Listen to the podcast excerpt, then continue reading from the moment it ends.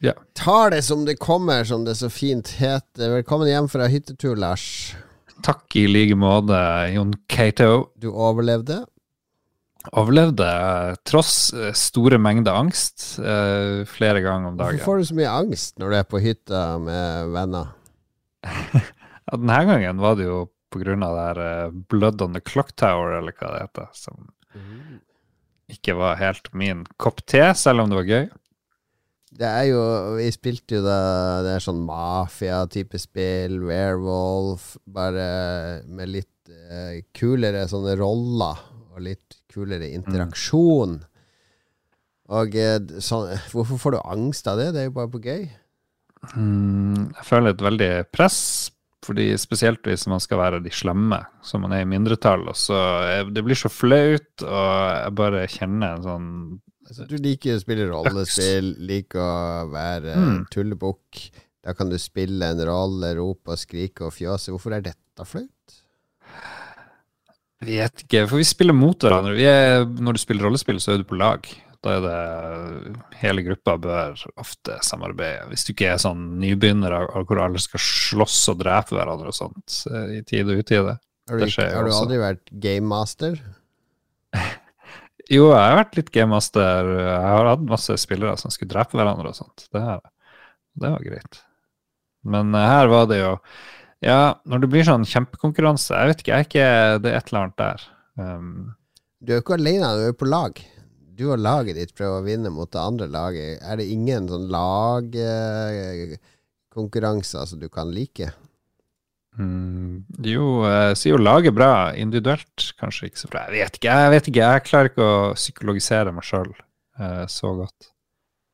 Beklager. Det, og for de som lurer på eh, hva som skjedde på hytta, det kommer en egen hyttepodkast. Ikke i denne uka. Jeg må klippe som sensurerer store mengder. Ja, Nå har vi blitt så stor, så må vi passe på det vi sier. Ja, du, du er jo mediebedriftseier, og jeg er direktør i kommunen. Det har vi tenkt det er ti år siden vi begynte. Hvor var vi da? To idioter. Mm, da kunne vi si hva vi ville. Nå kan vi ikke si noe som helst. Nei, men folk vil fortsatt høre på oss. Det er litt rart. Ja, vi eh, Det har jo litt med kanskje at vi drikker veldig mye når vi tar opp, og så bare løser vi opp underveis, og så går det galt. Og så syns de at det er gøy. Men vi mangler vår venn Mats i dag. Hva er det han skulle gjøre? Pow-pow.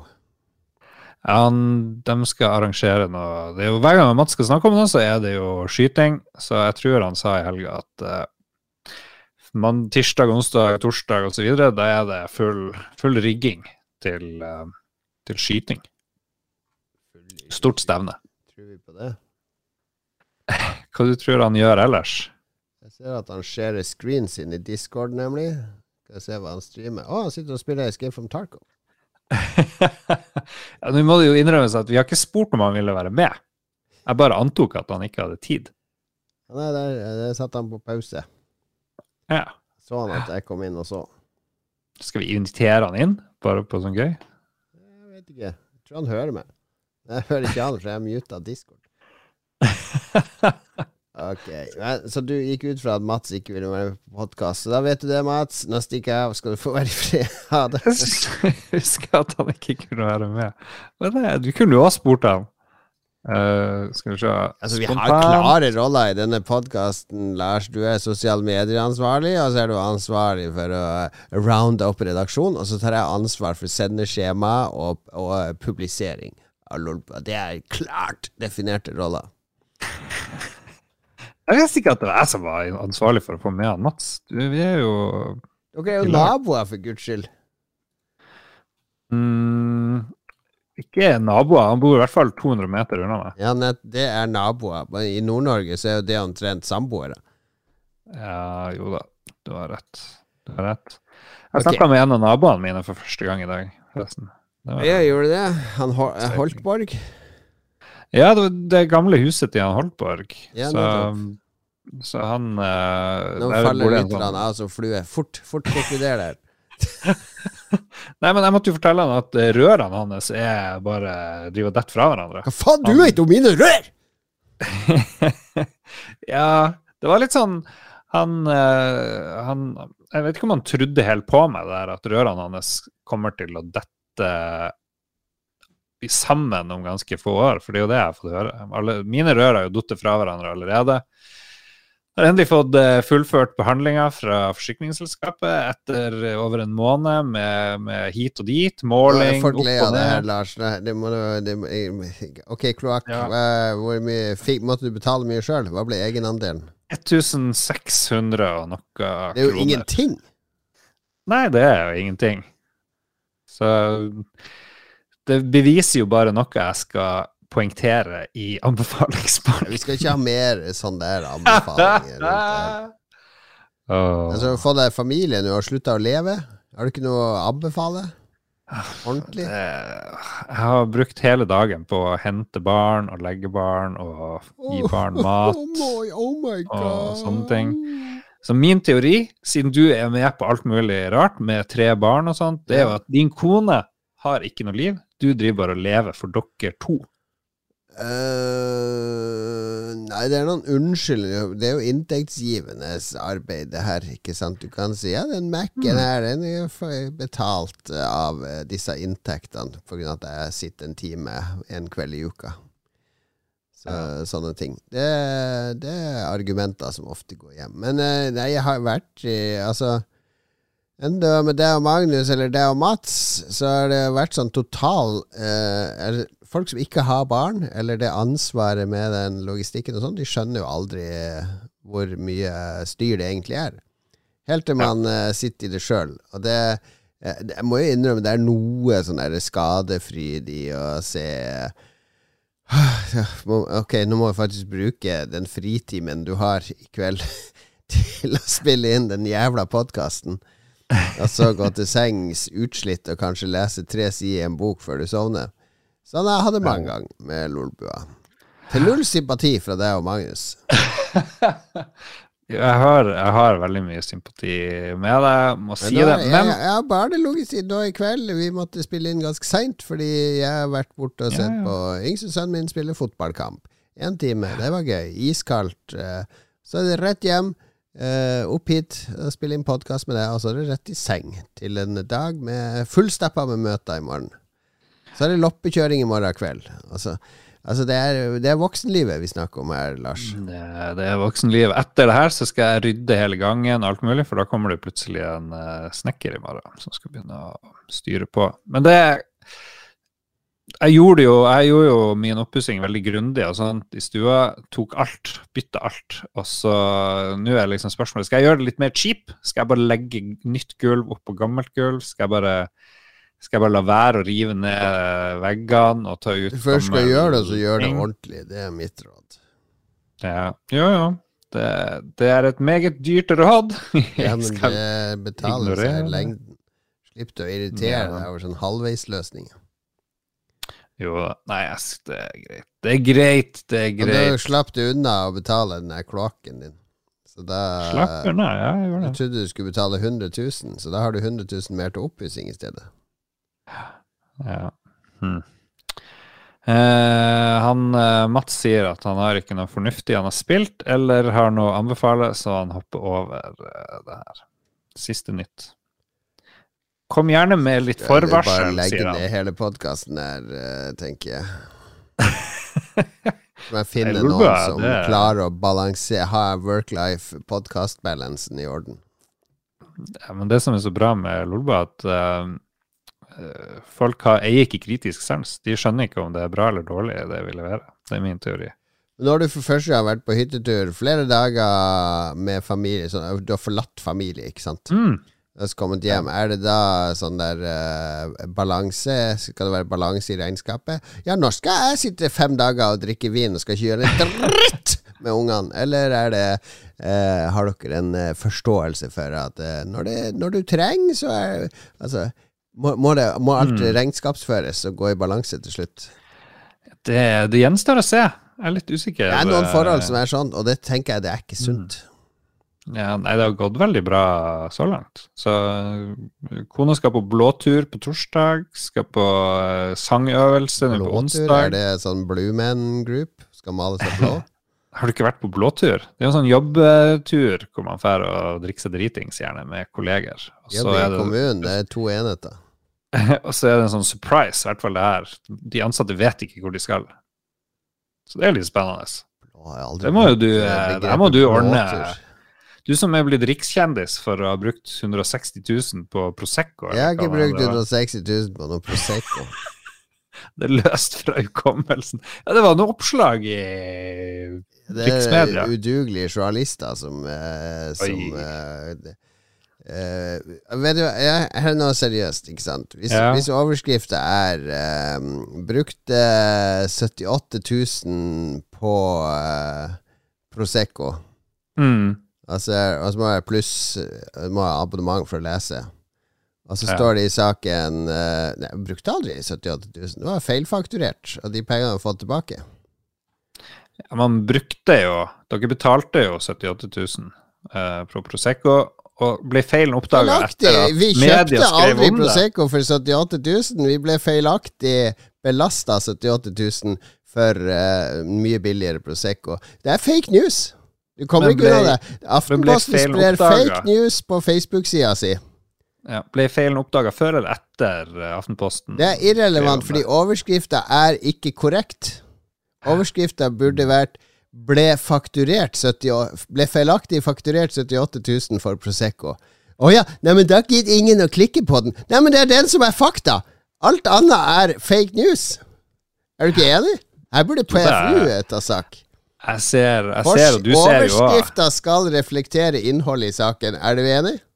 Jo, det er jeg selvfølgelig enig. Ja, selvfølgelig enig, men det er jo en kime av sannhet sannhet her.Ere brukte jo så mange tusen, betalte det, og så fikk dere Nei, vi brukte tilbake. ikke så mange tusen, for det var ikke det vi hadde bestilt og blitt enige om, men vi ble fakturert. Ah, ja, så dere betalte det aldri?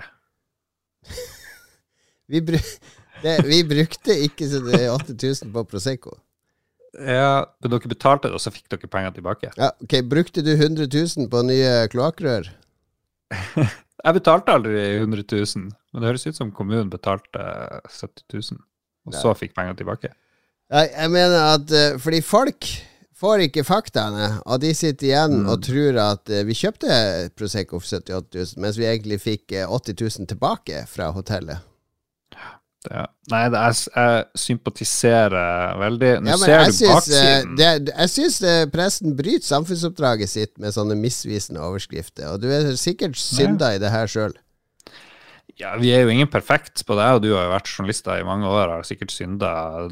Alle synder jo i sin jobb. Eh, Det er ingen som er perfekt, og så må vi bare ta lærdom av det. Og det er pressen noen gang ikke flink nok til, men det tror jeg gjelder nesten alle yrkesgrupper. Men det er jo ingen som er mer offentlig enn pressen, ikke sant. Alt vi gjør, er jo offentlig. Alt vi gjør, er synlig 100 av tida.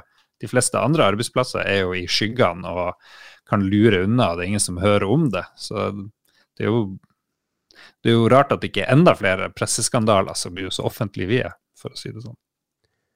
Ja, altså presseskandaler Dere er nå så glad i dere sjøl at uh, det halve kunne være nok. Men nei, det var eh, Bortsett fra en eh, sånn der eh, fake news-overskrift, så var jo saken etterrettelig og fin. Så det var hyggelig å, å være i media. Så kanskje Aftenposten klarer å betale den fakturaen på 10 000 som jeg sendte de for to måneder for spillanmeldelse, har levert dette året. Så det er, ikke, det, er ikke, det er ikke bare vi som roter med fakturaer, for å si det sånn. Shots fired.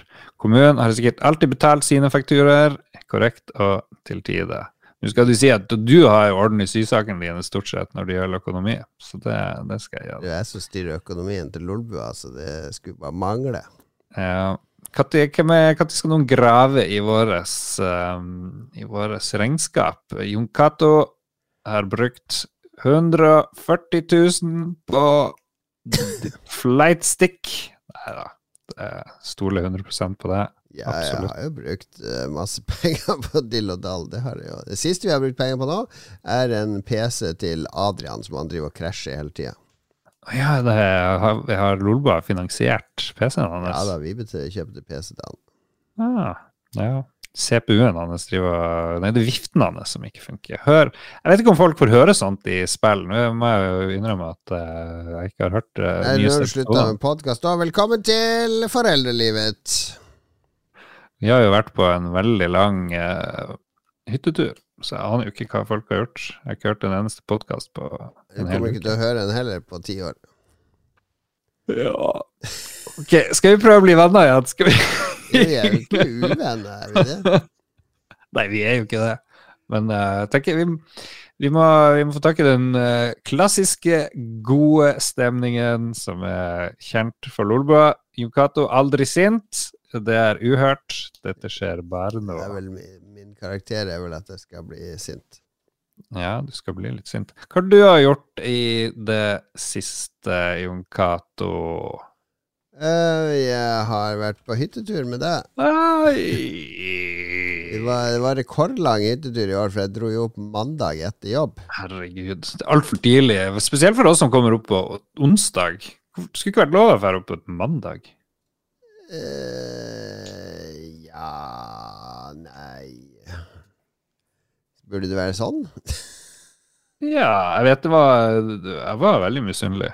Ja, men det er jo bare å komme mandag, da ja, hvem i all verden eh, med barn og, og kone kan uh, komme på mandag og fære på søndag? Jeg kan det. ja, nettopp. Mm. Få inn Synne. Jeg vil høre hva tenker hun egentlig om dette?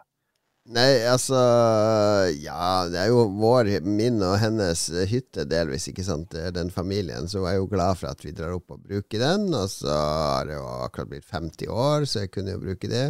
Mm. Altså Vanligvis så drar vi jo tirsdag etter lunsj. Det er jo ikke så stor forskjell på å dra mandag ettermiddag eller tirsdag etter lunsj. Så ja. det er det argumentet vi har brukt siden vi pusha det fra fredag til torsdag til onsdag til tirsdag. Jo da. Men ja. det er veldig mye logistikk. Dere er jo forskåna for uh, en helt sinnssyk logistikk før uh, den hytteturen. For den er Du har sett den handlelista var jo offentlig i år. Det mm. tar flere dager å handle de tingene. Espen holder jo på en uke før. Begynner han uh, uh, å, å, å, ta disse uh, Finne disse ingrediensene han skal ha til disse ulike rettene. Jo da, jeg skal ikke klage på maten. Det er jo det beste nesten med hele hytteturen, bortsett fra selskapet, selvfølgelig. Så jo, alle samles til mat, det ringes i en bjelle, og så er det et strålende måltid. Mm. Så jeg, For å få unna den logistikken, så tok vi den mandagen uh, og bestemte at da kan vi handle i fred og ro, uten at det er fem sånne karer som vi skal koordinere mellom hyllen, som er mest opptatt av å drikke øl og, og fjåse. Så da ble det jeg og Espen og Frank som handla i ro og den uh, handlinga gikk unna på rekordtid. Mm. Så eh, det var jo veldig behagelig å, å, å, komme opp tidlig, og veldig behagelig å våkne tirsdag, bare tre stykker i hytta, og det var for rolig og fredelig. Og før storinnrykket kommer. Eh, til slutt var vi jo 14 stykk. ja, det er sånn nesten rekord. Jeg tror ikke det har vært så mye, mye mer enn det. Men eh, jeg må jo si da jeg kom hjem, eh, vi leide leiebil på onsdag, leverte den på søndag eh, før klokka ett, som avtalen. Og i dag så fikk jeg faktura for to ekstra dager, fordi de mente jeg hadde ikke levert den før klokka tre-fire på ettermiddagen på mandag, og da regna det ut som to ekstra dager. Eh, det var jo helt fantastisk. Så jeg ble skikkelig sur. Tenkte det her blir et helvete, hva er det som har skjedd nå? Så bare ringte jeg der eh, kundeservicenummeret, fikk svar med en gang. Det var sånn to ring, og så bare ja, hallo, det er Europcar. Hva kan jeg hjelpe deg med? Og så sier jeg jeg fikk en veldig rar uh, faktura. Ja, hva det var for noe? OK, ja, du får pengene tilbake med en gang. Jeg gidder ikke å se, jeg gidder ikke å sjekke engang, for vi har fått så mye tilbakemeldinger på rare faktureringer fra noen sånne vikarer eller et eller annet. Så jeg bare OK, aldri vært så enkelt å få penger. Så hvis du leier bil hos Europcar, uansett om det er legitimt eller ikke, så, så, så du betalte 20 000 for leiebil i fem dager, er det overskrifta? Nettopp, se der kom den. Jeg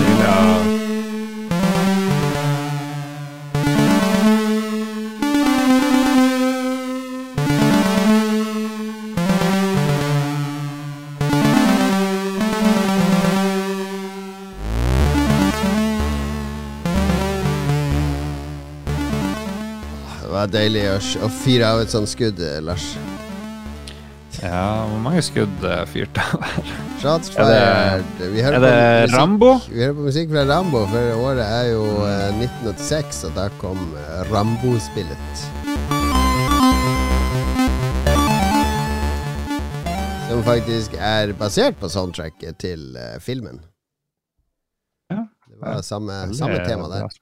Men før vi skal til eh, 1986, og vi har fornya den, eh, den populære spalten vår, sånn at den skal Ja, vi tar det etterpå. Vi, vi, først er det ferskere spill vi skal snakke om. Hva har vi spilt siden sist? Jebbidu. Jeg kan jo begynne. Jeg har dessverre ikke så mye å fortelle, men jeg har fyrt opp og spilt litt uh, Live Alive. Live Alive. Jeg vet ikke hvordan man uttaler det. Altså, når du fyrer opp spillet, så snur han uh, det siste liv, så blir det evil. ikke sant? Liv er Ah. evil. Så det er sånn her eh, 1994-rollespill som nå er eh, remastered og ser eh, smashing ut, hvor du, hvor du kan velge mellom sånne her, eh, masse masse karakterer. Det er det første du gjør, uten noe særlig forklaring. Så jeg valgte en uh, munk i noen sånne middelaldergreier. En gammel munk som har begynt å miste kreftene sine, så han skal samle inn sånne apprentices. Så jeg har vært og slåss mot uh, noen uh, tigre. Møtte en sånn her eh, tyv som uh, ville drepe meg.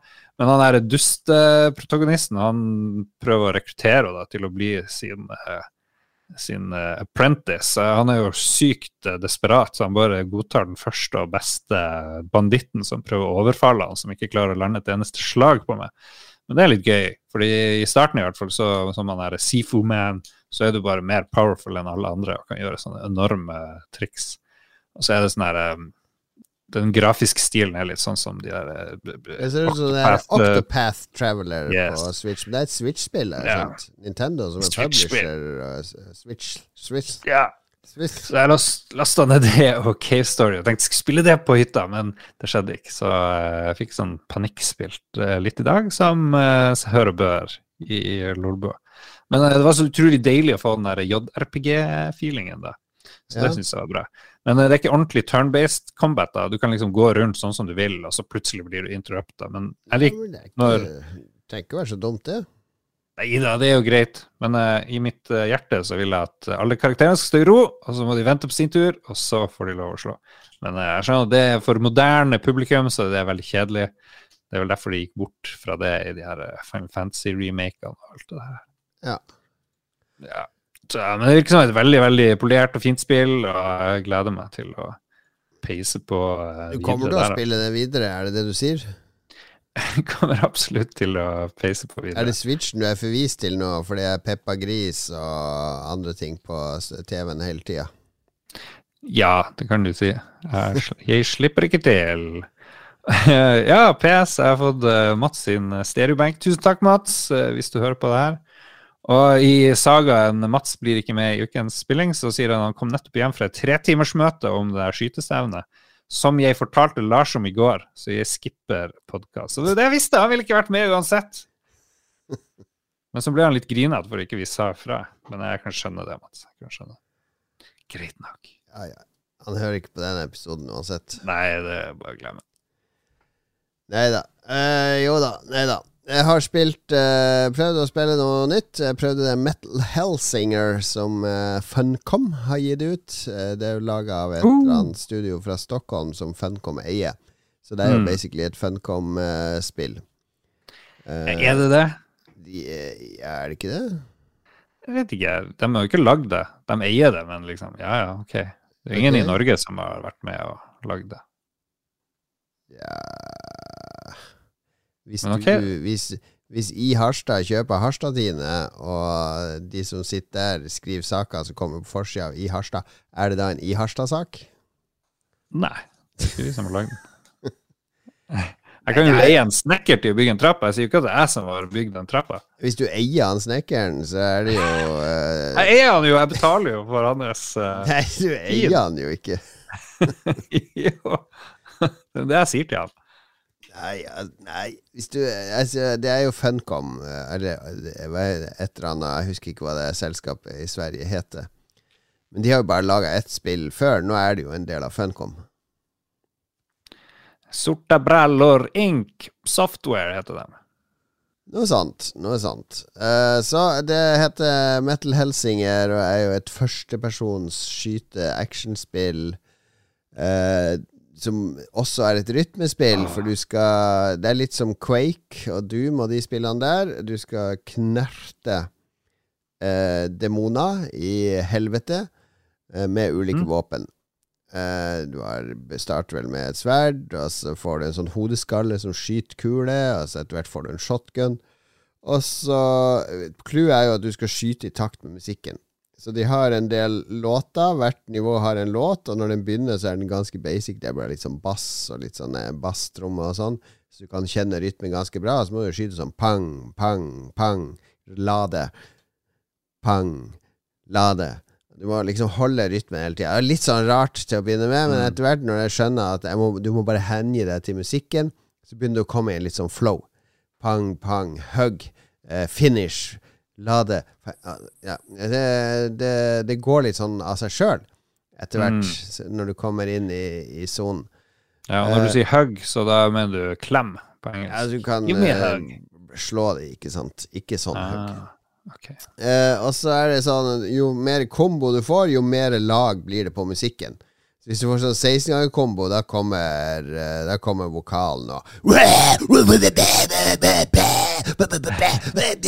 Og da blir det blir litt sånn der Du blir litt sånn gira når du får mer og mer lag. Så det funker. Det blir veldig sånn der eh, det blir akkurat det jeg husker fra sånne gamle rytmespill. Det der med at du blir i ett med en symbiose mellom grafikken og musikken og meg som spiller, som danser rundt. Så det er ennå ikke, jeg har ennå ikke den flowen helt inne, da. Uh, men jeg liker det. Jeg liker konseptet. Liker, det er old, litt sånn old school uh, Quake-feeling på grafikken, og, eller Doom. Mm. Doom-remaken. Det går veldig, veldig fort.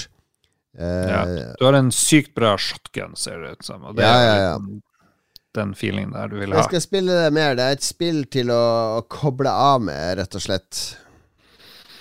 Ja, Er det et familiespill, vil du si? Vil du tatt med din uh, ni år gamle datter på dette? Nei, jeg tror kanskje ikke det fenger så mye. Men det er mye på grunn av, uh, av musikken som jeg tror Eh, ikke slår helt an blant de unge. Hadde det ikke vært for det, hadde det vært mer sånn der K-pop, eller noe sånt, som man skaut hva, skal man skyte der, da? Um, kjærlighet, tror jeg kanskje. Skyt uh, kjærlighet og bamser og sånn til rytmen av k-pop, så hadde jeg anbefalt det varmt til mine barn. Ja, skyt frykt for Kina, eller et eller annet. Jo, sant. Og så har så vidt prøvd uh, ti minutter, tatt en Lars-review av den nye Return to Monkey Island. Uh. Ron Gilbert sin remake av gamle Monkey Island er ute nå.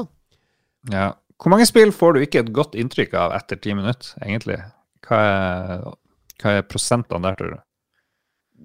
Ja Det er mange som ikke sånn imponerer stort med en gang. Det er det jo. Ja, da er det jo galt med noe med spillet, tenker jeg. Du må fenge meg innen ti minutter, ellers er det goodbye. Så vidt det, det, må fenge meg ganske fort. Men Return to Mange Island er jo på en måte gjenbesøk av gamle stier. Uh, bortsett fra at det har jo en ny grafisk stil som har vært litt diskutert på nettet. Og er, jeg er litt sånn der i begge leirer på den stilen, fordi det, det ser mm. liksom billig ut. Det ser ut som sånn Java-spill eller et eller annet, men samtidig mm. så kler den spillet. Altså, det ser ut som Monkey Island. Så jeg har ikke mm. helt landa på hva jeg syns om uh, stil. Men det er bra voice acting. Uh, det er visst også en, en, en hard mode og normal mode. Der uh, hard mode har tøffere puzzles, så de har vel gjort noe uh, design-wise med spillet. Og så jeg har også hørt at det er mer dialog. Uh, de har adda en del dialog og sånn. Så jeg, jeg har ikke helt tida nå, men det er sånn der spill når jeg får en frihelg, så er det et sånt spill jeg kan mm. Da bytter jeg ut den min Secret Lab eh, gamingstol med den ørelappstolen eller ah. lenestolen som sto bak, for da kan jeg legge beina opp på noen puter her, sitte godt tilbakelent med mus og tastatur og kose meg med litt sånn pek og klikk. Mm. Hm. Ja, Hva heter det der forrige Twin Peaks-aktige spillet til Ron Gilbert? Det er det jeg gleda meg så sinnssykt til. Cave. Nei, ikke The Cave. Det var noe Tumbleweed Park. Timbleweed Park, ja. ja. Tumbleweed. Men det var jo sånn skal- Rotten Maniac Mansion-stil på grafikken. Ja, jeg elsker stilen, men, eh, men det å drive og gå og klikke og gnukke, liksom det, Jeg vet ikke. Kanskje tida er forbi, liksom, til den der eh, point and click-greia. Ja, det jeg har gjort her, er Eller det, var, det er noen smarte grep her med at uh, det kommer sånn tekst når du har musa over ting, som sier hva den tingen er, og sånn. Mm. Sånn at eh, det, er, det er et par ting som fungerer her. Så jeg ville gi deg en sjanse hvis jeg var det, Lars. Ja, klart jeg skal gjøre det. Jeg skal tweete han eh, Ron Gilbert straks når jeg har funnet ut om dette er drit eller fantastisk. Ta Paul Bang-Hansen-tweeten med 'Your game is horrible. Why have you made it?' Så kanskje Nei, ikke gjør det. Ikke plag Ron Gilbert.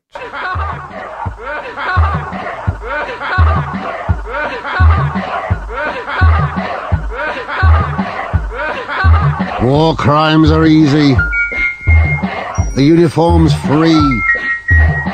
Follow the drumbeat. Don't follow me. Jump without question. Into the fire. War crimes are easy.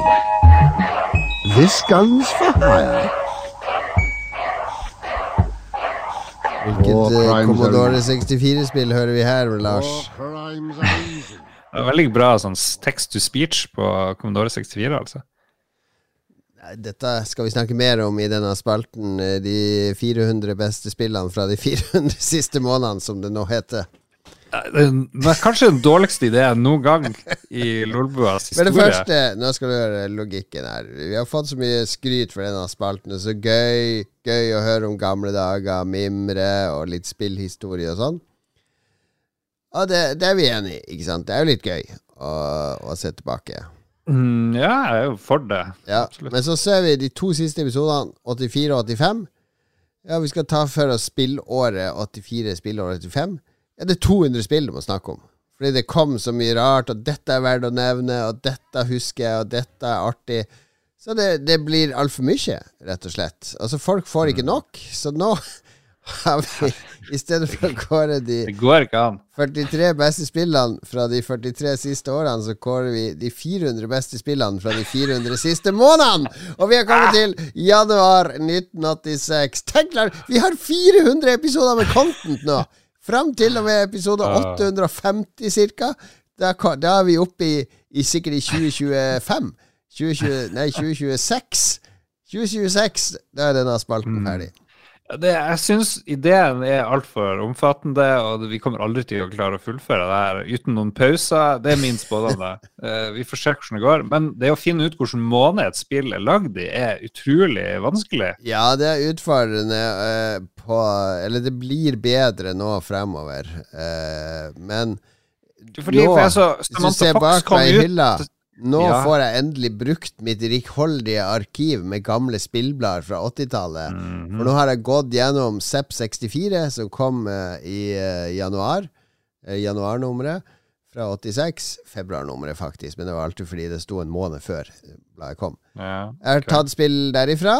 Jeg har gått gjennom På For Nintendo 8-bit, så er det ganske nøyaktig når spillene kom lista i Japan. Det var veldig få aktuelle spill i januar 86. Og Amiga kom jo, er jo ute nå, videre, men ikke mange spill ennå. Så at det er Historien begynner å skrives med datoer eh, nå dette året, så det passer perfekt å begynne med det her i 86. Um, men ok, men når vi da kommer ferdig med desember 1986, og vi finner ut at det her er det masse spill vi ikke har Vi har ikke funnet ut når de gis ut og sånn. Jo, jo, jeg har, du må stole på meg. Tillitsbasert ledelse, Lars. Ja, Når kom eh, Samantha Fox strippoker? For jeg, jeg kom bare så langt at jeg så på en liste at det kom i 86, og så fikk jeg skikkelig noia da jeg ikke klarte å finne ut om det kom ut i januar. Så eh, det er jo litt sånne Det er jo Kom litt ikke sånn ut i eh, januar, ellers hadde det vært i Jeg har ZEP64 fram til 1990, og jeg har masse andre spillblader som vi kan bruke som referanse, og archive.org har veldig veldig mange spillblader fra 80-tallet. Så jeg har gjort nøye research på det her, eh, Lars. Du må stole på meg. Ok, okay. Og Tenk så gøy for lytterne. De får så mange høydepunkter fra 80-tallet og kommer til å lære en masse. Altså Ikke minst får vi bydd på minnene våre fra disse spillene. For det er masse av disse spillene som jeg har konkrete minner fra. Ja, ok, ok. Men når jeg ser på den lista her, så Jeg vet ikke. Det er mye bra. Vi kommer til å finne en verdig vinner i dag. Men først la oss ta folket tilbake til januar 1986. Eh, Mm. Det var denne måneden der eh, eh, EF, som det da het, eh, eh, European Union, ble det etter hvert. Mhm. Men de fikk to nye medlemmer. Da meldte nemlig Spania og Portugal seg inn. Det er jo ingen som bryr seg om det. Jo, det er jo eh, sikkert noen sp- Ja, spaniofile Joakim, han Ja, bryr seg. Han bryr seg. Ja. Eh, men også en merkemåned i norgeshistorien, fordi 2. januar får Bergen Norges første bomring. Norges første bomring kom eh, i eh, januar 86. Ja, det var, jo, var det da Frp ble starta? Nei, det var Anders Langes parti for lavere skatter og avgifter for folk flest, eller noe sånt. Ja, det var sikkert av eh, bomringen i Bergen. Er du Ja, for eller mot bomring? Folkepartiet mot bomringen ble starta med han der Og dette skal være Trymen sin skål! Er du, eh, du er jo selvfølgelig for bomring, det skjønner jeg jo med en gang, men eh, ja, jeg hadde et lurt uh, spørsmål. Ja, det var det! Er du fremdeles en MDG-mann? Du var jo, gikk jo hus uh, dør til dør uh, under forrige valg. Jeg var for, aktiv MDG? for fire år siden i for MDG. fire år siden. Og nå er det valg på nytt, skal du ut og banke på døren? For nå tenker jeg at nå, bryr veldig mange færre seg om MDG. Nå bryr nå, nå, nå er du av det. Men nå har jeg blitt Senterpartimann fordi det er så dyr strøm. What? Senterpartimann. Ja, du hørte det først her. Så nå skal du dør til dør og imitere latteren til han der eh, partilederen din. Ja, han Sånn skal jeg gå rundt. Han er jo egentlig joker. Tenk hvis du hadde malt uh, han Mm. eh, Vedum i, i jokerfarger, så han hadde bare ledd ukontrollert på TV-en. Vedum ser litt ut som han driver og lyver uansett hva han sier hele tida. Ja, han ser litt ut som en used car salesman. Ja, men ok. Vi kjenner han ikke. Vi kjenner deg ikke, Vedum. Ok, Si- men eh, altså ja. januar, 6. januar, Petter Northug blir født dette året. Oi! Godt år for narkotikaomsetningen. eh, Nei nei, det må du slutte, stakkars gutten. Han har lagt det bak seg. Lagt det bak seg. Det må være lov, må være lov å gjøre feil i Norge. Med en gang han får lappen, så skal han ut og kjøre i, i narkorus. Hvor mye Prosecco tror du han har betalt? Ja, han er Altså i januar, eh, England og Frankrike annonserer planene om at de skal bygge en eh, tunnel under kanalen. Eneste for, for, uh, connection jeg har til den der, er Mission Impossible 2. Jeg husker ikke hva det er. Ja. Hvor de flyr helikopter inn i The Channel. Ja, ja. kul. Altså gikk det noen og tyve år, og så tenker England nei, nå får vi sprenge denne kanalen, nå skal vi ut av EU. Eh, og spennende også, Voyager 2, Space Proben, uh, har sin første encounter with Uranus. Det er artig. Ja. Åssen var det når, eh, når den proba Uranus, Lars? Husker du når Uranus ble proba? Hmm. Jeg husker Uranus veldig godt. Utrolig morsomt.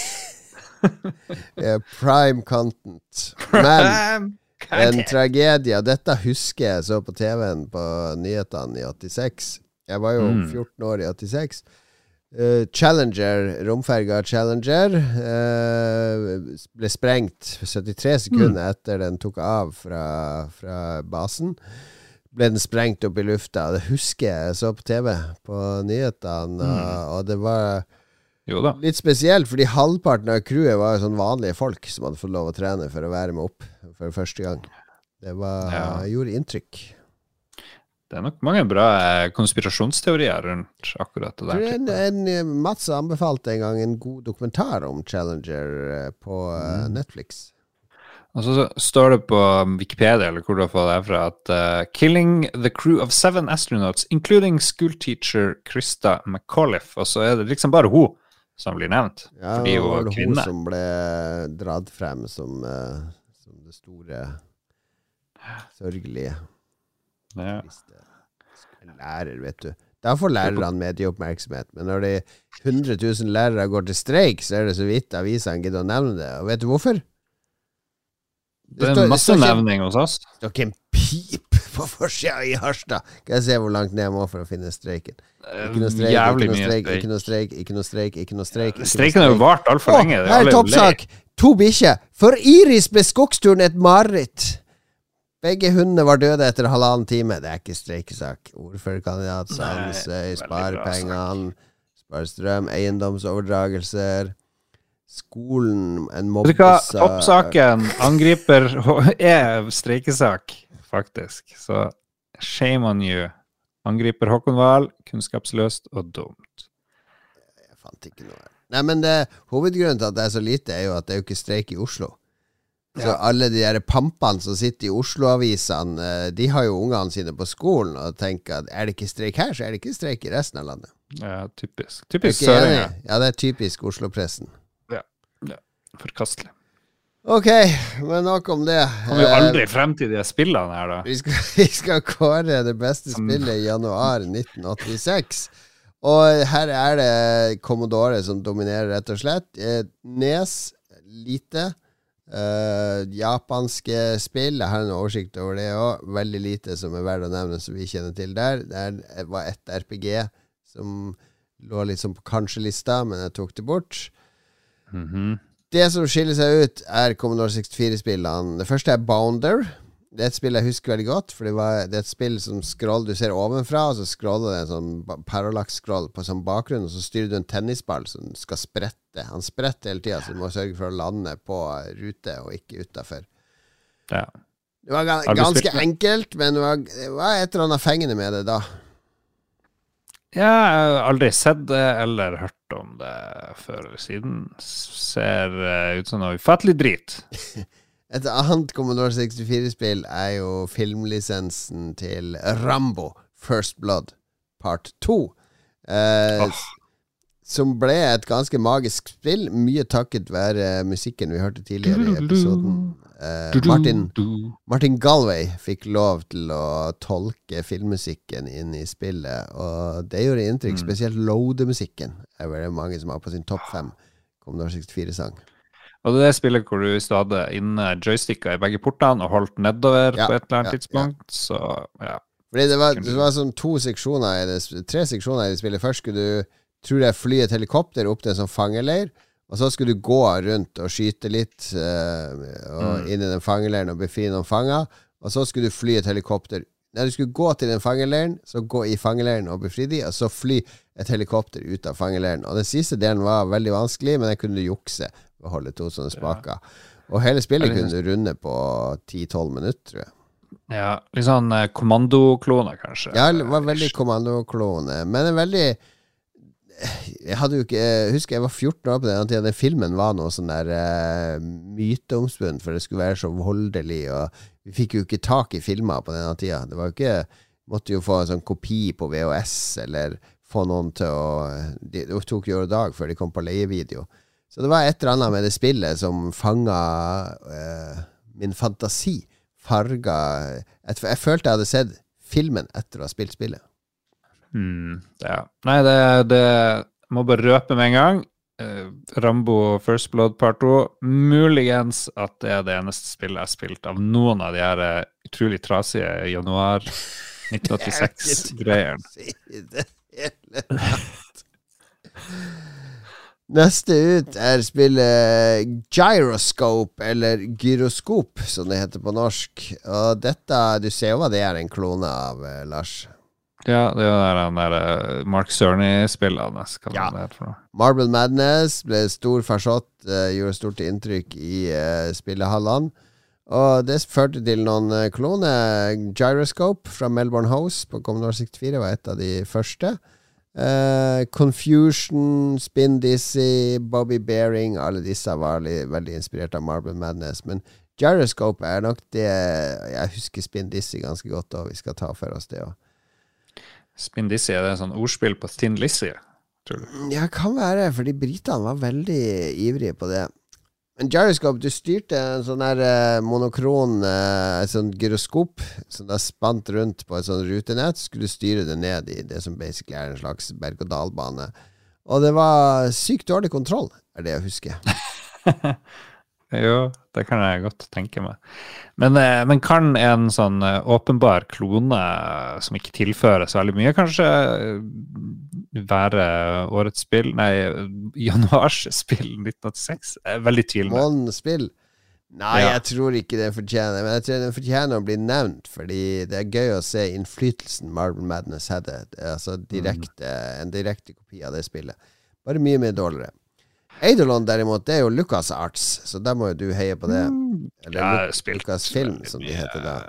Spilt veldig mye Eidolon. Skal vi se, på videoen. Nei, har aldri spilt dette heller. Ja, men se på videoen, da, og tenk deg at dette er Commodore 64 i 1986. Ja. Det er jo som en sånn 3D-verden. Ja, du utforsker en 3D-cave Um, og eh, den, den ser, det ser faktisk bra ut, den 3D-grafikken. Det ser ut som en ordentlig grotte. De har laget ganske simpelt med at det er grå, helt sånn monokron grå vegger med noen svarte streker. Uh, mm. Og de jukser liksom sånn for å få det til å se ordentlig tredimensjonalt ut. Akkurat samme paletten som det er Return of the Obra Dinn, ser jeg. Ja, det er ikke så langt unna.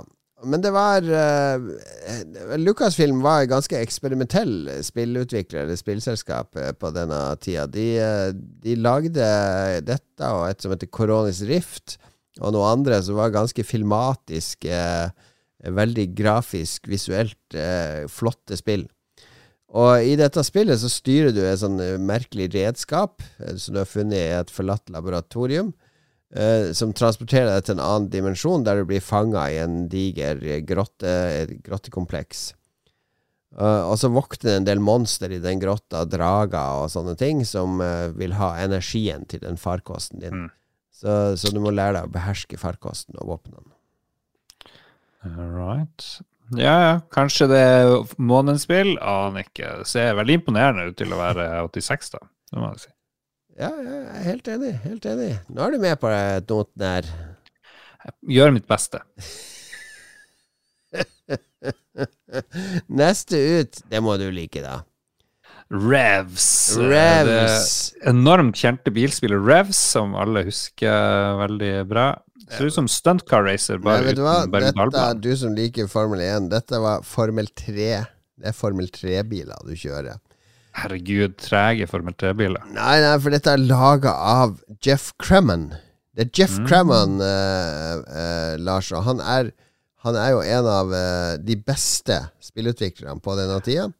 Han lagde Mm. Revs, det var der det begynte. Vet du hva han fulgte opp med? Eh, Grand Prix-spillene. Ja, riktig. eh, Grand Prix-spillene på PC. Men mellom der så lagde han to eh, spill som er to av de mest ikoniske. Stunt Car Racer Ja. Og The Sentinel på Amiga. Mm. Hvis du husker det. Det spillet der skal teleportere deg på sånne rutenett. Opp og opp i høyden, absorbere trær for å få energi. Og så er det en, en, en Sentinel på toppen som roterer rundt, og når han ser på deg, så dreiner han energien din. Så du må unngå han. Skikkelig trasig kar. Et av verdens aller beste spill. Jeff Cremon, altså soloutvikler som lagde disse spillene, han var veldig opptatt av bil og bilsport. Så Revs anses vel for å være kanskje det første bilsimulatorspillet. Mm. Ok. Ja. Det ser, eh, ser veldig bra ut. Det gjør det. Bra. For så kom vi til neste spill, og det var det vi hørte musikk fra i sted. Den der snakkinga om eh, krig og fred. Ah. Det er Dus Ex Machina. Dus Ex Machina heter det spillet. Ja, til Commodore 64. Jeg trodde det var sånn PC-spill, egentlig, men eh, ja, ja. Ja, så kan du tro. Eh, dette var laga av en eh, veldig kunstnerisk fyr som heter Mel Croucher.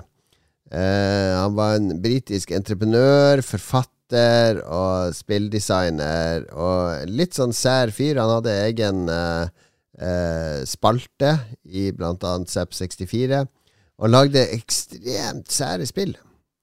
Eh, og var opptatt av AI og teknologi og, og litt sånne ting. Og Sønn han, til eh, Mel Brooks, faktisk. han er sønn Sønn til Mel Brooks. Ja, Kjempeartig. Takk. Men han lagde et spill som heter Deus Ex Machina. Og det spillet handler om livet. Det er fra unnfangelse til du blir gammel. Eh, veldig kunstnerisk og rart. Og for å få For å få det ordentlige stemninga og lydbildet riktig, så følger det med en kassett, så du skal spille i kassettspilleren din mens du spiller. Og det er sånn at spillet queue opp, press play nå! Og så, og så går spillet fremover, og du styrer nå, og den stemmen forteller stemme, og det er musikk. Um, og, og så videre. Så det er basert på et Shakespeare-stykke som heter As You Like It. Og utrolig pretensiøst, eh, samtidig som det har eh, humor. Så det, er eh, det var helt unik Helt unikt forut for sin tid. Nå er det jo hundrevis av India som lager sånne her fjås eh, hver eneste måned. Men, men til Fjås. i 1986 så var jo dette en revolusjon. Jeg får med en gang lyst til å kåre det her til månedens spill. Mest basert på at jeg skjønner ingenting av det jeg ser på videoen. Eh, Syk kunstnerisk, men den musikken du spilte, jeg har jo lyst til å heller høre på den enn å snakke med Ja, den. den har jeg lasta ned både side A og side B fra de kassettene, så de, de finner man på internett hvis man søker litt. Litt sånn spoken word-aktig, og det liker jeg jo. Det. Ja, det er litt sånn, sånn slam-poesi og, Mm. og stemningsfulle lyder. Og, nei, det funker, funker veldig bra. Vi har bare to spill igjen, så skal vi kåre det beste i januar 1986. Det Det ene ingen kjente spill, eh, bortsett fra Rambo her, egentlig, og ja. Ja, men det blir bedre. Altså, du vet, Det året her kommer jo Legend of Zelda. Det kommer, kommer eh, en haug med storspill. Så vi porsjonerer godsaken Mm. ut. Hvis vi finner ut hvilken måned de blir gitt ut av, det går aldri. Ja, jeg finner ut av alt. Du må jo ha tillit. Må du slutte å mase om det. Jeg kommer aldri jeg kommer, Det er en katastrofe de luxe! Neste spill ut er Friday the 13th. Det var utgitt av Domark. eh, basert på spillet spill eh, med Eller filmserien med samme navn. Can you find and kill Jason before he can kill you? Det høres ut som sånn moderne survival uh, multiplayer-spill der. Det er singleplayer, og uh, det er et veldig, veldig dårlig spill. Er det jo Jamie Lee Curtis, eller hvem i all verden er man? Jeg husker ikke hvem Jamie Lee Curtis var jo med i uh, de andre var slasher-filmene. eh, ja, Halloween. Ja. Det, Men det, dette er eh, jeg, tok, jeg tok det her med fordi jeg hadde originalen på dette spillet. Og vet du hva som fulgte med i kassetteska? en kniv. Nei, to blodampuller. Oi. Nice. Brukte du egne penger på det, eller hvordan fikk du tak i Ja, det? ja, ja. Jeg syns det så så Igjen, jeg hadde jo ikke sett filmen. Hvor skulle jeg se filmen? Den var jo forbudt i Norge. Jeg kunne ikke leie den, jeg var for ung. Eh, den megasensurerte versjonen. Og det så så spennende ut med den der maska og det blodet. Jeg var, jeg var jo 14 år, ikke sant. Jeg er litt opptatt av horror og sånt på, på den tida. Jeg er litt eh, begynte å lese ja. Stephen King og så videre. Så jeg, jeg kjøpte det bare fordi det var horror. Og det var et ganske dårlig spill. Det husker jeg veldig godt. Tittelskjermen, jeg tror det er sånn sampla, sånn hyl der. Så sprengte den gamle Tandberg-TV-en min første gang. Hadde loada det spillet og hadde lyden altfor høyt.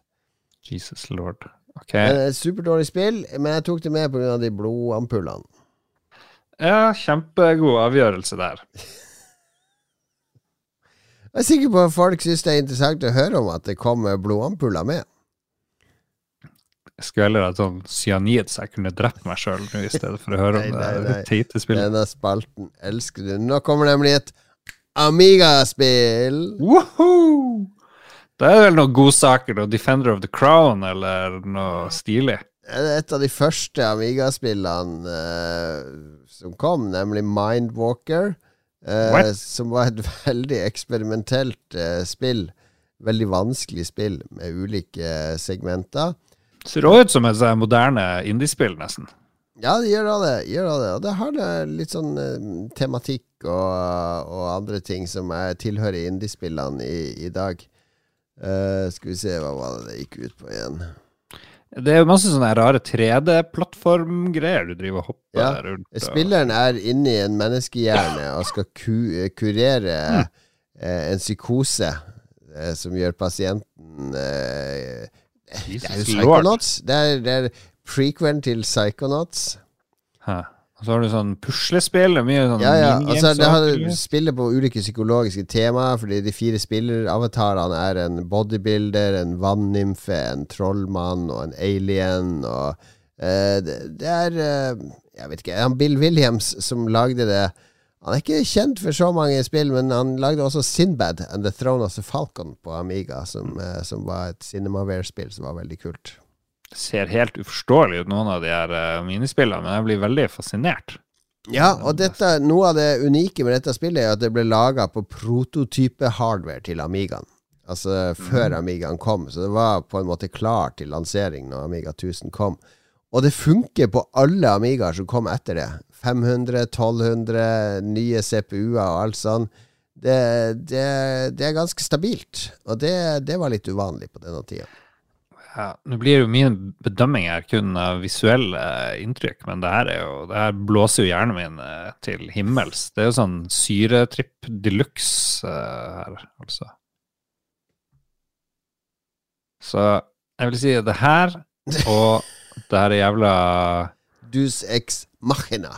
Ja, er åpenbare favoritter så langt. Da tror jeg vi er enige der at det blir rett og slett Mel Croucher sitt Dus ex machina.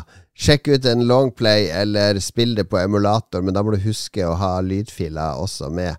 Eh, gjerne ta den over på kassett, og spill den på kassettspiller for den autentiske Commodore 64-opplevelsen. For da spiller du faktisk det beste spillet fra januar 1986. Vi hører på eh, litt av lyden derifra igjen.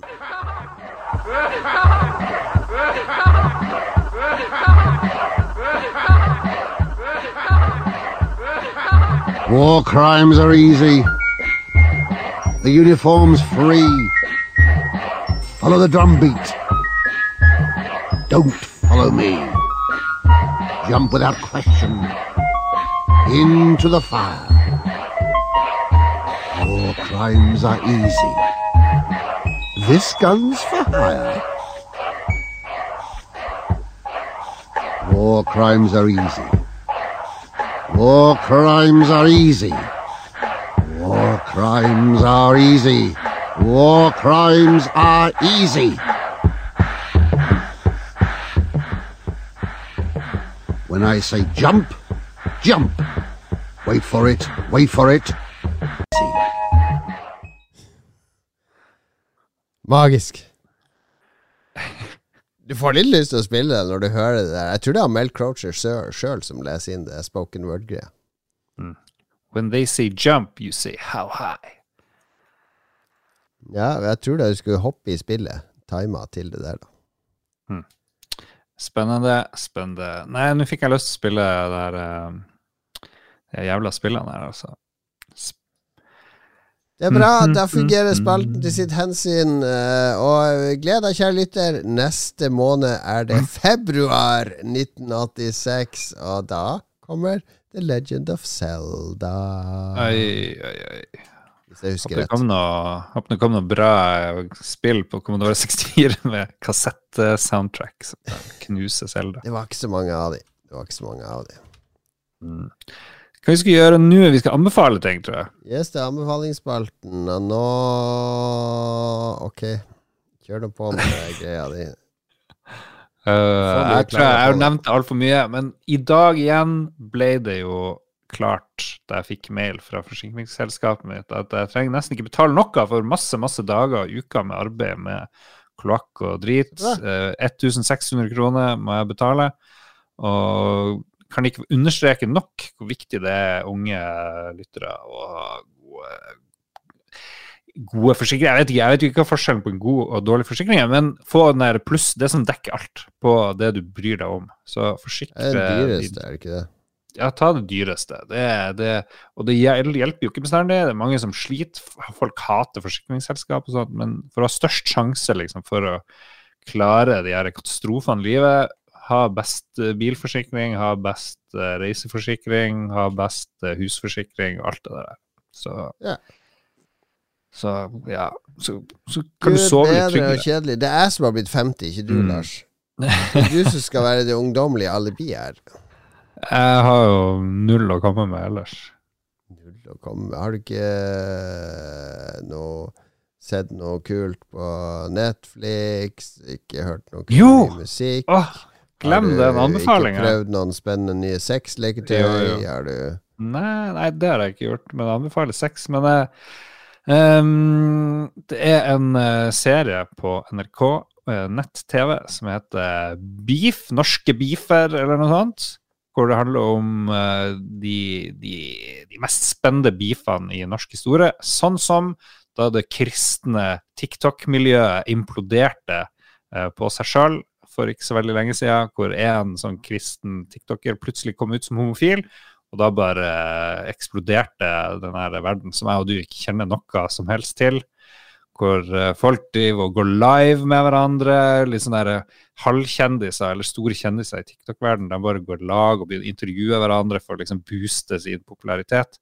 Og her var det Mhm. altså det norske eh, kristen ungdoms-TikTok-miljø, hvor jeg må si alle sammen fremstår litt som om kanskje alle er homofile eh, som er med der, og det viser seg at han ene som er veldig imot han der som kom ut som homofil, han var homofil før, men han fant Gud, og nå er han kurert.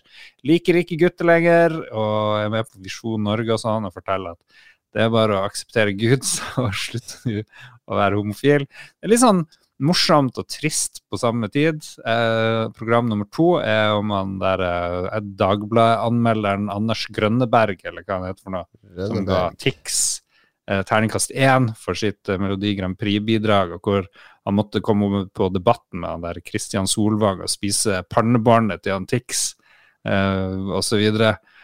Stor beef mellom dem.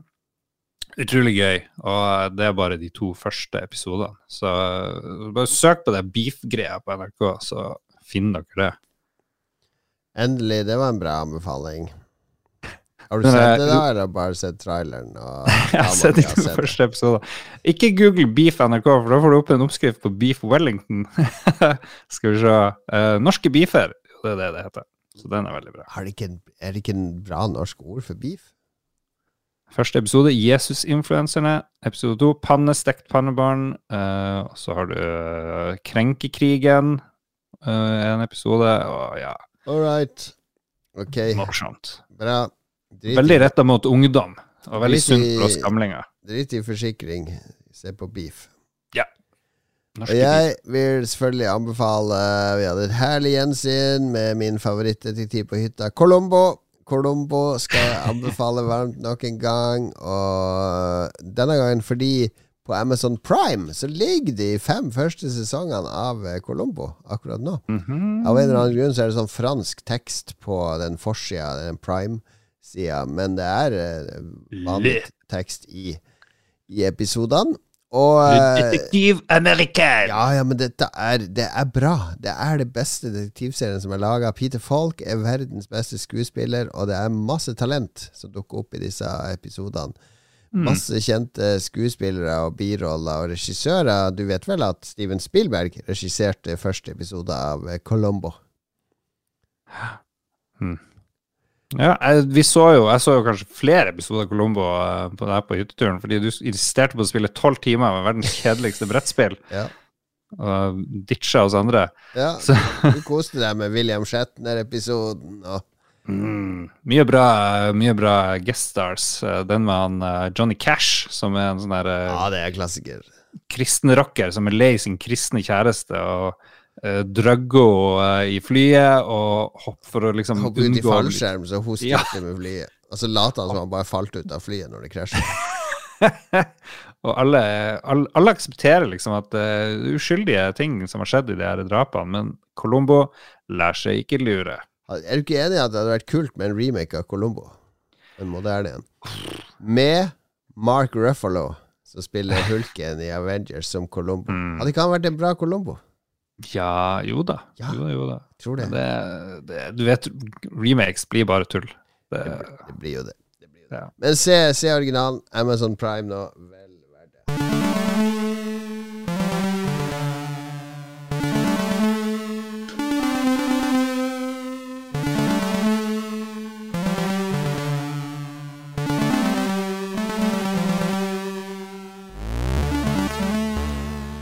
Sleit med å finne nok musikk til episoden.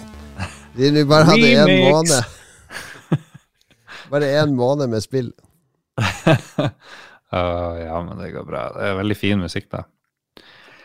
Mm, vi har en uh, liten lytterspalte. Stilte som vanlig spørsmål veldig seint, uh, for at folk skulle få minst mulig tid å komme med respons. Det er bra. Det er bra. Fortsett sånn. Vegard Lindlarn, vi bare spurte hva vi skulle snakke om. Vegard Lindlarn vil at vi skal snakke om uh, IMDb, som er eid av Amazon, som blokkerte alle tekstreviews under seks stjerner en god periode på Lord of the Rings, Rings of Power-serien. Det her har vi ikke vi faktasjekka i det hele tatt, selvfølgelig, men jeg tar Vegards ord for god fisk. Ja Er det Er det, er det ytringsfrihet på, på en privat nettside? Ja, det er jo, de, de, det er jo deres eget selskap. De må jo kunne gjøre hva de vil. Jeg tenkte på det i dag når jeg leste VG, var inne på vg.no. Eh, Den er vel fortsatt, den saken. Eh, Hvis du scroller litt ned, eh, så ser du på høyre side Så er det bilde av han der Oskar eh, Eh, Som har Ja. blitt sånn hotshot. Eh, Han er jo managed av VG, så vidt jeg vet. Han er jo i sportsklubben, han lager masse content og greier. Og så er det en plussartikkel om at målet i år er ti mil. Så eh, VG skriver jo ekstremt mye om Mats Hansen og masse av disse andre influenserne. Han er Vegard Han homofile i det der kjendisprogrammet. Ja. De skriver jo ekstremt mye om sine egne programledere og journalister, som, er, eh, som genererer penger og salg for de. Eh, det er jo ikke noe annerledes enn at Amazon gjerne vil styre budskapet om eh, Ringenes herre.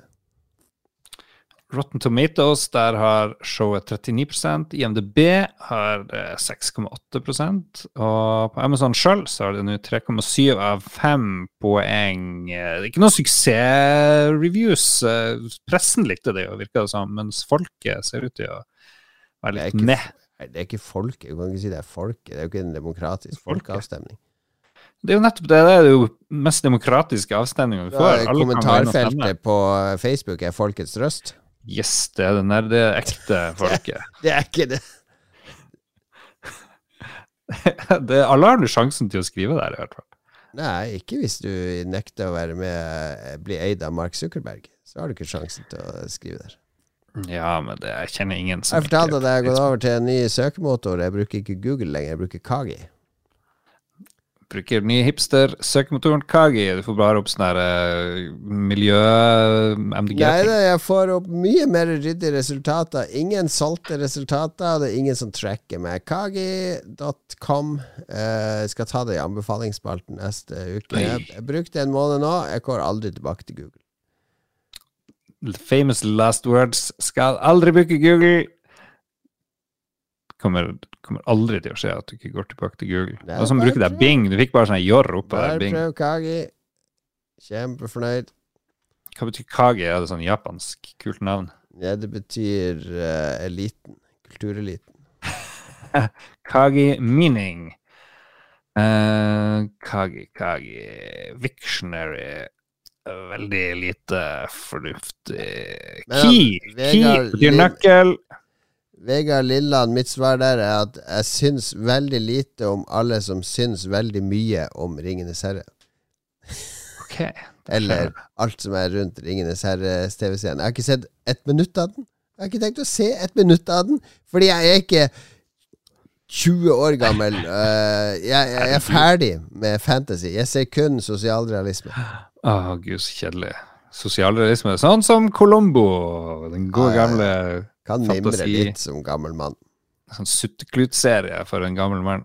Joakim Strandberg lurer på Queen Elizabeth Lizzie, what's your greatest memory of the majesty the queen? Ah, shit, boys. Eh, hva har dronningen gitt meg? Det beste dronningen har gitt meg, er Sex Pistols-sangen 'God Save the Queen. Ja, er det det? Har du noen gang onanert til bilder bildet av Queen Elizabeth? Mm, ikke enda. Nei. Nei. Kanskje Jeg drev og lagde masse bra eh, Queen Elizabeth-bilder som zombie eh, på Midjourney, som vi har snakka om før. Det er morsomt. Det anbefales. Ja, det går an.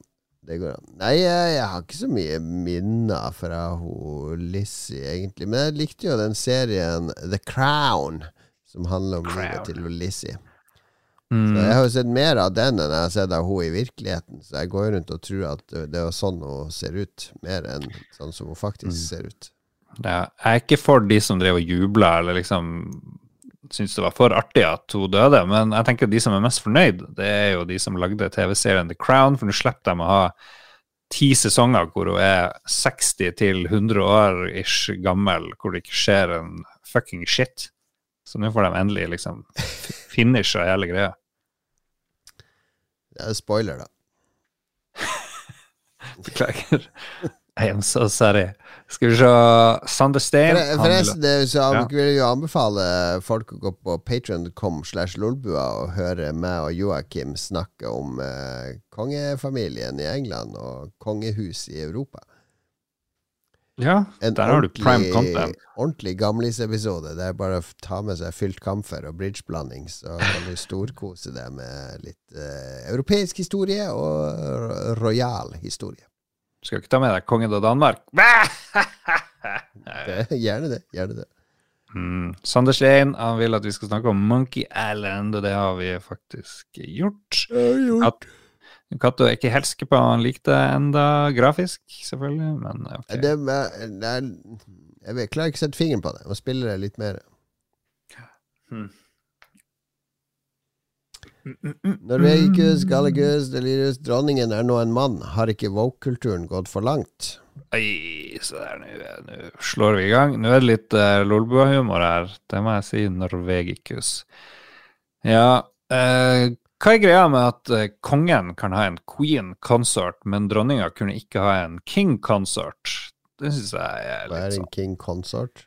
Det betyr bare at du er, du er sånn, hva heter det, eh, dama til eller mannen til. Consort er vel sånn Er ikke Det det som er gemal?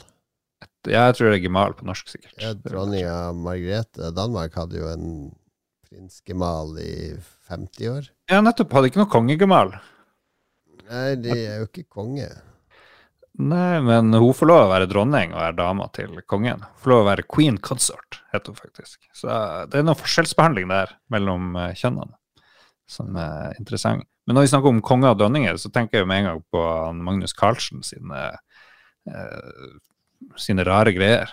Det er jo, Ja, nå er han i vinden eh, med analkule og sånt.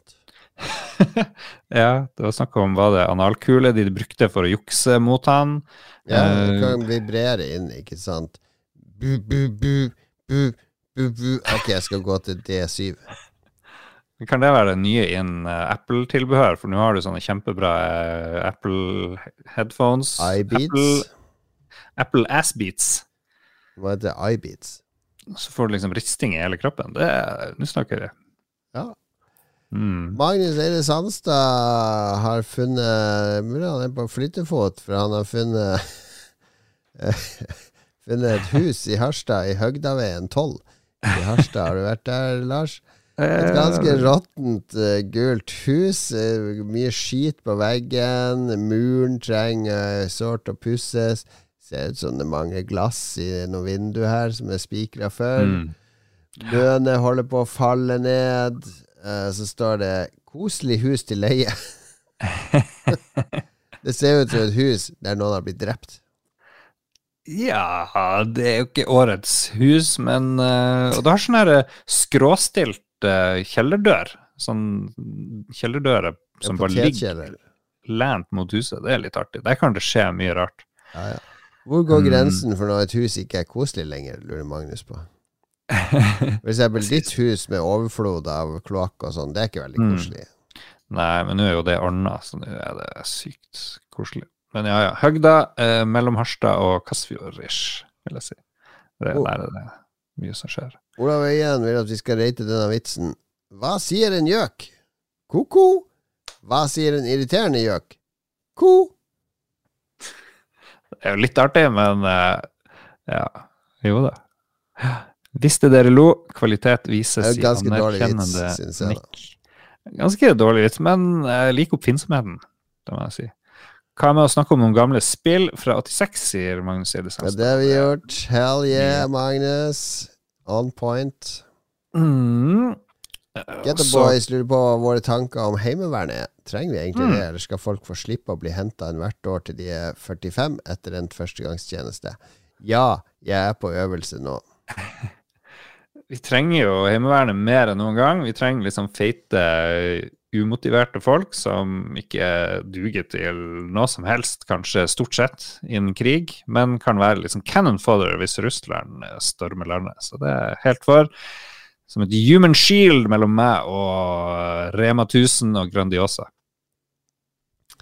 Ja, Kristoffer her bare gjør plikten sin. Oss, eh, oss over 50 som har tjent landet i mange år, vi forventer at dere unge Mm. tar til våpen og beskytter oss hvis russeren kommer. Så, Jeg var på én heimevernsøvelse. Jeg hadde med meg sprit. Det var det ingen andre som hadde. Det var ingen som ville ha det. Jeg tenkte det var sånn man gjorde. Det var det jeg hørte da jeg var i førstegangstjenesten. Og så hørte jeg at folk eh, tok med seg Grandis og varma det i motoren på beltevognen og sånt. Men ingen av de tingene viste seg å være sant. Herregud, du lever jo livet ditt som Du har jo lært alt i livet ditt ut fra tegneserier og amerikanske actionfilmer. Ja.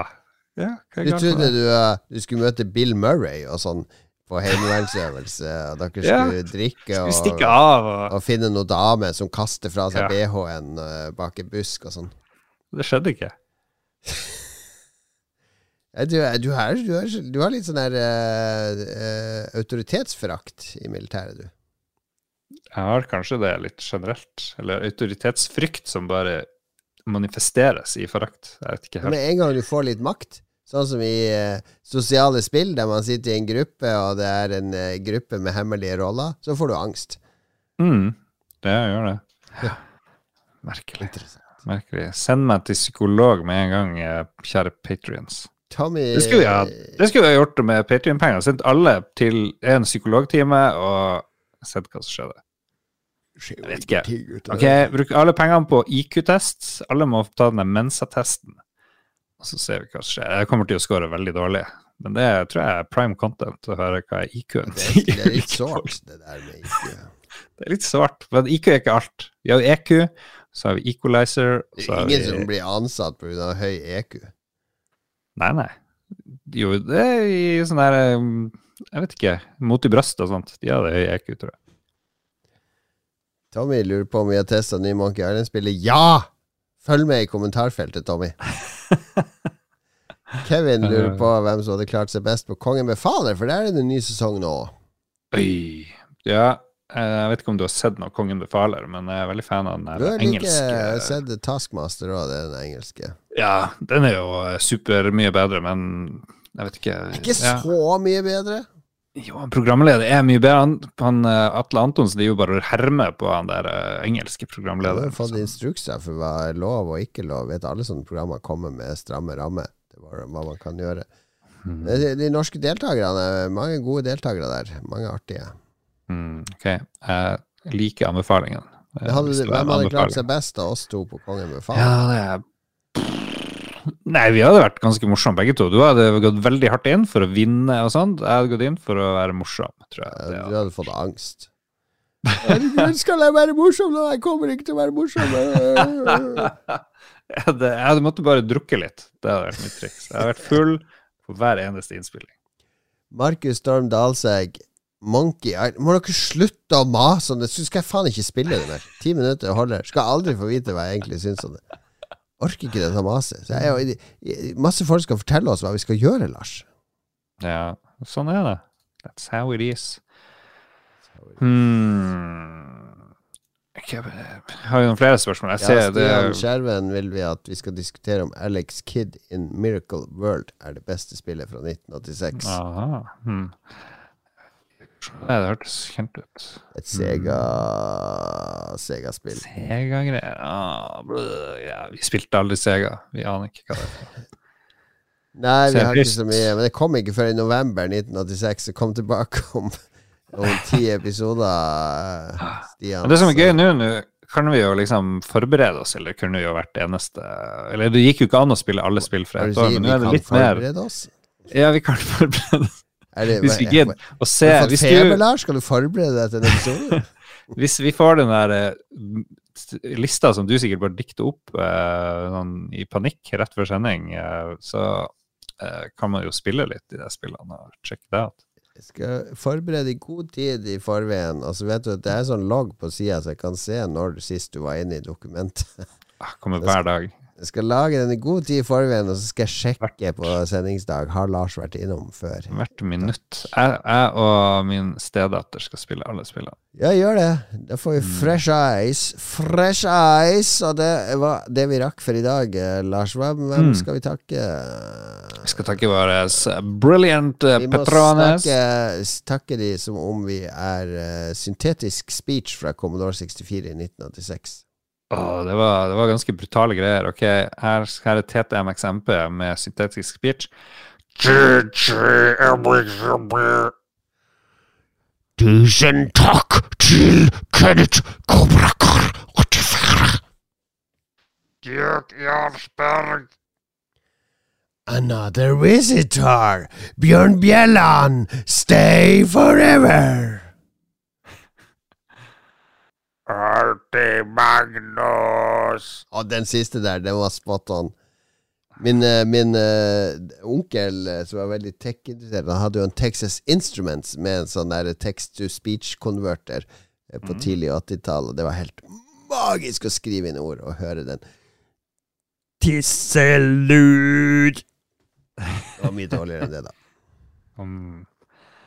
Nei, men takk eh, både produsenter og alle andre patrients. Vi setter veldig pris på dere. Dere finansierte nettopp eh, spill, 50% av spill med ny PC. Det er ikke verst. Så da kan de lage, fortsette å lage sine ting.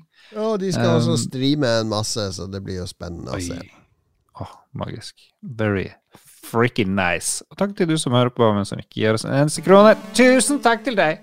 Takk til alle, og takk til Martin Galway for denne fine melodien. Ha det bra!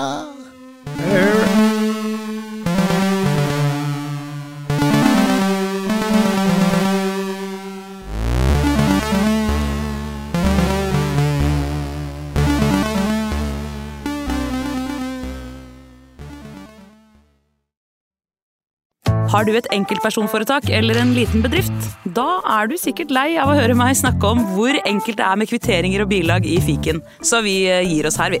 Fordi vi liker enkelt. Fiken superenkelt regnskap.